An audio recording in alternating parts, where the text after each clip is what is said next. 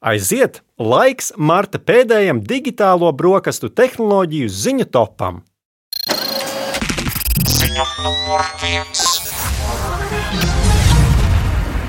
Pirmā ziņa šorīt digitālajās brokastīs no Vācijas. Vācija ir panākusi vienošanos ar Eiropas komisiju, kas paredz, ka pēc 2035. gada Eiropas Savienībā joprojām varēs tirgot jaunas automašīnas ar iekšdedzes dzinēju. Taču ar nosacījumu, ka šie auto darbojās tikai ar tā saucamo sintētisko degvielu, jeb e-fuel. Par to ziņoja gan Briseles, gan Berlīnes amatpersonas, un, par, un mums par to stāsta portāls Cursors. Līdz šim aktīvi tika lobēts plāns aizliegt vispār iekšzemes dzinējus jaunās mašīnās no 2035. gada, taču Vācija un vēl vairākas citas valstis pret to stingri iebilda un nāca klajā ar izņēmumu gadījumu ar nosacījumu, ka iekšzemes dzinēji izmanto iepriekš minēto sintētisko degvielu. Nu, Vācijā parlamentā atsevišķas frakcijas iebilda pret iekšzemes dzinēju aizliegšanu Eiropas Savienībā, jo tas būtiski kaitētu Vācijas nu, kā, milzīga autobūves uh, giganta, giganta valsts, uh, ka tas kaitētu tās uh, autobūves sektoram un tiktu zaudētas ļoti daudzas darba vietas.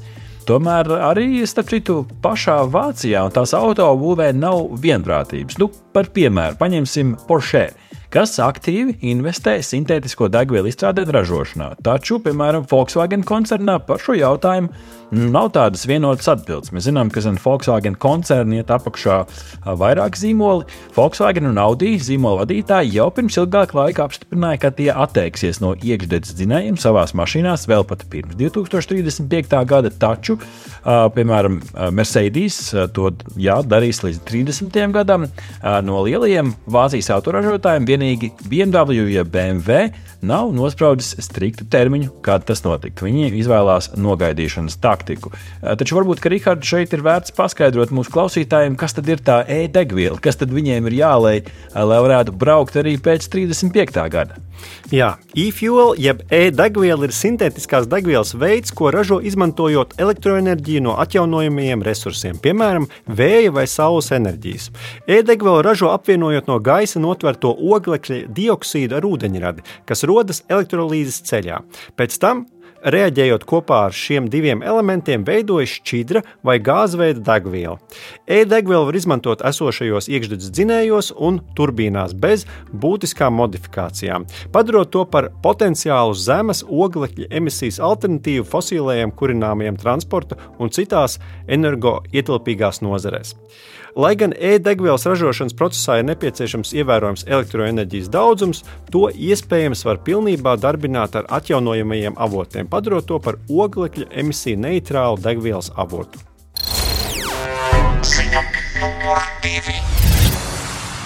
Otrajā vietā digitālajās brokastīs šorīt stāsts par kādu jaunumu, kas patiesībā pat nav izskanējis ļoti plaši Latvijas medijos, tāpēc gribējās mums to izcelt. Latvijas Spēļu izstrādātāju asociācija ir pasniegusi balvas 2022. gada labākajām Latvijas, latviešu izstrādātajām video spēlēm, astoņās kategorijās. Šobrīd, vismaz cik mēs zinām, nu nav lielāka balvu pasniegšanas ceremonija video spēļu izstrādātājiem Latvijā, tā kā šis ir tas uh, augstākais punkts pagaidāms, ko izstrādātāji var tiekties.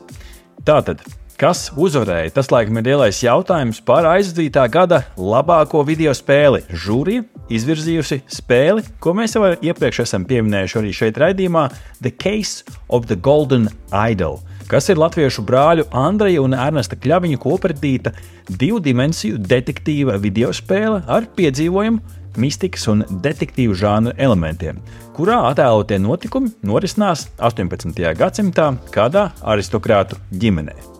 Un tad sekoja vēl vairākas kategorijas. Piemēram, gada jam spēle, jeb spēle, kas ir izveidota īsā hackathon veidīgā asociācijas organizētā notikumā.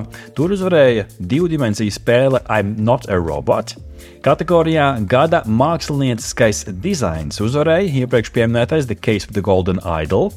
Kategorijā gada spēles dizains, dizains varētu tikt saprasts dažādi, bet šeit ir domāts tieši ar tādu labu spēles vadību, jeb kontrolēšanas iespējām.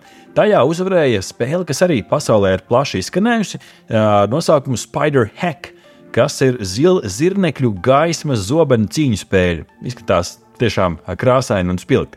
Video spēlēs eh, būtisks elements ir ne tikai vizuālais izskats, bet arī audio izpildījums. Un eh, gada skaņa un mūzika kategorijā uzvarēja tas pats Spider-Hack. Kategorijā gada konsoles spēle, tad, tad spēle, kas ir vai nu uz Xbox vai uz Playstation konsolēm, uzvarēja eh, frizēšanas un skaistuma kopšanas spēle Shave and Stuff, kurā spēlētājs var savus tēlus safrizēt pēc sirds patikas. Tad ir tāda kategorija kā vietāruņu spēles, un tur tika apbalvota gada mobilā spēle 2022. ir tāda briesmonīša kauju spēle nosaukuma Zivers. Un visbeidzot, par labāko spēli datoriem, gada datoru spēli uzvarēja Spider Hack. Tātad rezumē gada spēle Case of the Golden Idol iegūs vēl vienu nomināciju, bet Spider Hack trīs atsevišķas nominācijas. Rihard, kā tev tas izklausās? vienas puses it kā nav daudz to iesniegto spēļu šajās apbalvošanas ceremonijās, bet paskatieties, tomēr, cik daudz latviešu izstrādā video spēles. Jā, nu, protams, un prieks par to, ka mūsu tautiešu izstrādātās video spēles arī ir iekarojušas pasaules slavu. Tā kā novēlam gan asociācijai, gan arī spēļu izstrādātājiem veiksmīgi arī šogad. Ziņa numur 3. Pēc diviem pārceltiem mēģinājumiem, beidzot kompānijas Relativity Space trīs dimensijās drukātā raķete Terran 1 23. martā iedarbināja dzinējus un veiksmīgi, bez būtiskas krāpes, pacēlās no Kanaverālas Raga, Floridā. Lidojums gan neiztika bez tāda neliela darba piliena, jo apmēram 3 minūtes pēc starta sākās problēmas, kā stāsta Delfi portāla Campus sadaļa. Apmēram 5 minūtes pēc starta misijas vadība paziņoja, ka raķete tomēr Zemes orbītu nav sasniegusi. Tās uh, galveno uzdevumu Terran 1 gan esot izpildījusi, jo tā ir sekmīgi izdzīvojusi lidojuma fāzi, ko dēvē par Max Q, jeb brīdi, kurā lidaparāts pakļauts tādam nu, vislielākam slodzes uh, brīdim, kad vislielākā slodze uh, tiek izdarīta uz pašu lidaparātu paceļoties. Ja 3D drukātās eh, konstrukcijas izturējušas šo lidojumu posmu, tās izturēšot arī citus, tā secinājuši speciālisti. Eh, tāpat eh, sekmīgi notika otrās un pirmās pakāpes atdalīšanās, jau šie brīži, kad no raķetes atdalās tās nesēja raķetes, lai tālāk jau lidaparāts dotos tālākajā kosmosa izpētē. Jāatgādina, ka Terran 1 ir pirmā kosmosa raķete, kas lielā mērā drukāta ar 3D printeru nepilnībā, jo tur izņemot, protams, dzinēju un elektroniku, to gan ieliek iekšā. Līdz ar to 3D drukāšanas metode, un šeit ir tas uh, suns apraksts, tā teikt, kāpēc šis ir tik būtisks un kāpēc mēs par to stāstām digitālajās brokastīs, jo nākotnē šī metode ļaus raķetes būvēt daudz lētāk un ātrāk. Terran 1 ir nepilnus 35 metrus gara divpakāpju raķete lielākais šāda veida 3D drukātais objekts pasaulē. Ziņa numur 4. Šorīt mums digitālajās brokastīs cīņā latviešu video spēles, un tāpēc gribējām pastāstīt par kādu jaunu latviešu izstrādātu video spēli. Tā nāk no video spēļu studijas Cold Wild Games, un tā ir laidus klajā ar jaunāko spēli Stories from the Outbreak, jeb latviešu tulkojot pandēmijas stāstu. Tā ir lomu spēle, kas norisinās Rīgā, zombiju apakalipses laikā, un rosināšot domāt par sadarbību polarizētā sabiedrībā. Par šo stāstu portāls Fold LV. Spēlētāji varēs vadīt izdzīvotāju grupu no Rīgas uz prāmi, kas izbrauc no Liepājas, meklēt pirmās nepieciešamības preces, cīnīties ar zombijiem un izlemt savas komandas likteni. Spēle Stories from the Outbreak grafiski veidot tādā pikseļainā stilā, nu, kaut kas līdzīgs kā The Case of the Golden Idol.